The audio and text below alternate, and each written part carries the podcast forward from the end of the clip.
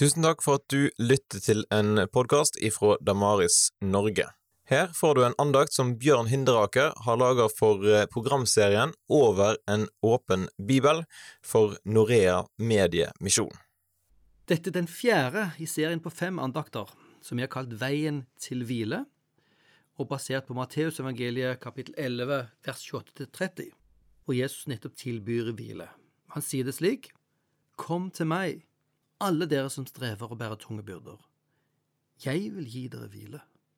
Ta mitt åk på dere og lær av meg, for jeg er mild og ydmyk av hjerte. Så skal dere finne hvile for deres sjel. For mitt åk er godt, og min byrde er lett.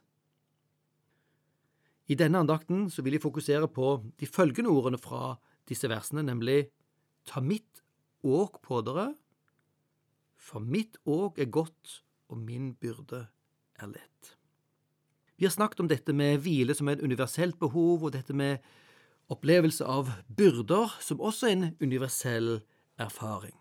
Og spørsmålet er hvordan greier vi å forholde oss til disse byrdene, den belastningen det er med å leve. Jesus inviterer oss ikke til bare å kaste bekymringene vekk, men han inviterer oss til å kaste dem på han, og så inviterer han oss til å ta hans åk på seg. Han sier, ta mitt åk på dere. Og dette høres litt rart ut, for han inviterer til hvile, og så inviterer han oss til å bære et åk, altså en byrde. Og Da trenger vi forstå hva et åk er for noe. Jo, et åk er et redskap for å fordele vekt. I min barndom så eh, kjøpte familien min et landsted som var vår liksom, familieidyll, der hvor, hvor, vi kunne bruke feriene. Det var en gammelt, nedlagt gårdsbruk hvor det var masse spennende utstyr gammel kjelke av tjukk tømmer, eh, gammel tralle, masse, massevis av gammelt verktøy, gamle tresko som var tydeligvis lagd og smidd der på stedet. En av de tingene som var der, var et åk. Og jeg var litt forundret over utseendet på det, for det var tydeligvis lagd av en veldig stor tømmerstokk, for det som lå over skulderen, var et veldig bredt område, og så ble åket tynnere ut mot kanten. Og på hver side av åket som ligger over skuldrene, så var det festet et tjukt eh, hampetau, eh, hvor du kunne feste én bøtte i hver side. Og du bruker et åk for å lette arbeidet, ikke sant? Skal du bære vann, det var ikke innlagt vann der, skal du bære vann, så må du ned enten 100 meter til vannet, der hvor vi var, eller kanskje enda heller, du må kanskje 400 meter til bekken, hvor du har rennende vann, friskere vann. Skal du da gå med bøtter med vann med 25 kilo i hver arm, ja, da blir du ganske verken i armen ganske fort. Og dermed så lager du deg et åk, og da kan du bære én bøtte på hver side, og du bærer det ganske lett fordi at vekten av disse går nedover skuldrene og ned til beina. Og du kan gå ikke bare noen hundre meter, men du kan faktisk gå kilometer med disse uten at du vil kjenne det som noen stor byrde. Når Jesus ber deg om å bære åket, så ber han deg altså ikke om å ta på deg mer byrde, men nettopp å ta på deg et liv som gjør livet ditt lettere å bære. På Jesu tid snakker man om himmelsåk eller Guds åk eller lovens åk. Man tar inn over seg forpliktelsen som det er å leve sammen med Gud, eventuelt under, under loven. Man kunne jo sagt eksempel en sånn ting som ekteskap er et åk ikke fordi det er en tung byrde, men fordi man tar på seg en forpliktelse om å ivareta livet og har et fellesliv med hverandre. I en forstand så har jo alle vi et åk. Vi har et livsprosjekt. Vi har våre ting å løfte livet med. Eh, og så er spørsmålet ditt ja, hva bruker du livet ditt på? Hva, hva bruker du kreftene dine til? Og hvordan ser du på livet? Det er en kamp for å overleve. Er livet ditt fokusert på at du skal bli mest mulig lykkelig, eller lever du mest for å bli beundret eller elsket av andre mennesker? Eller ønsker du at livet ditt skal gjøre en forskjell? Alle disse tingene er jo aktuelle åk for oss, ting vi bærer på, ting vi gjør ut av livet vårt. Noen åk er faktisk ganske nyttige, det å ville bety noe men det kan sluke alle dine krefter, og faktisk mer enn de kreftene du har.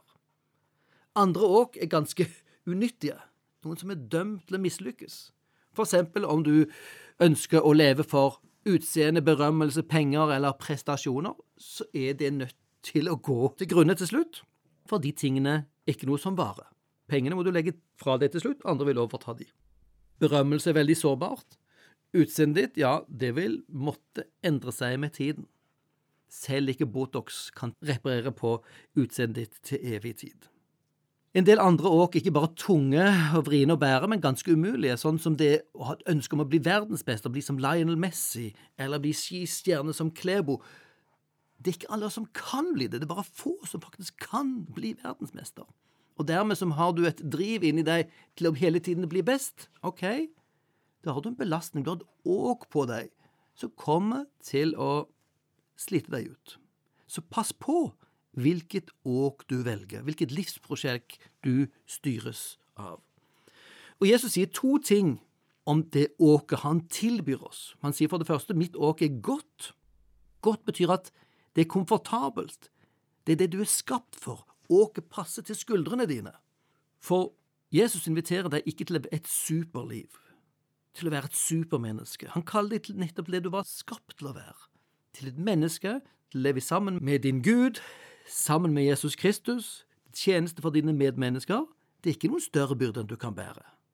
Å være sant menneske er det du er invitert til, og leve åpen med din Gud, tjeneste for dine medmennesker. Det er et godt åk, som er godt for deg, og som er godt i sine konsekvenser. Men han sier også 'min byrde er lett'. Hvordan kan han si det? Jo, åk i antikken var ofte ting som du la også på eksempel okser, hvor to okser skulle dra noe sammen. Og da øker de drakraften mer enn faktisk det dobbelte.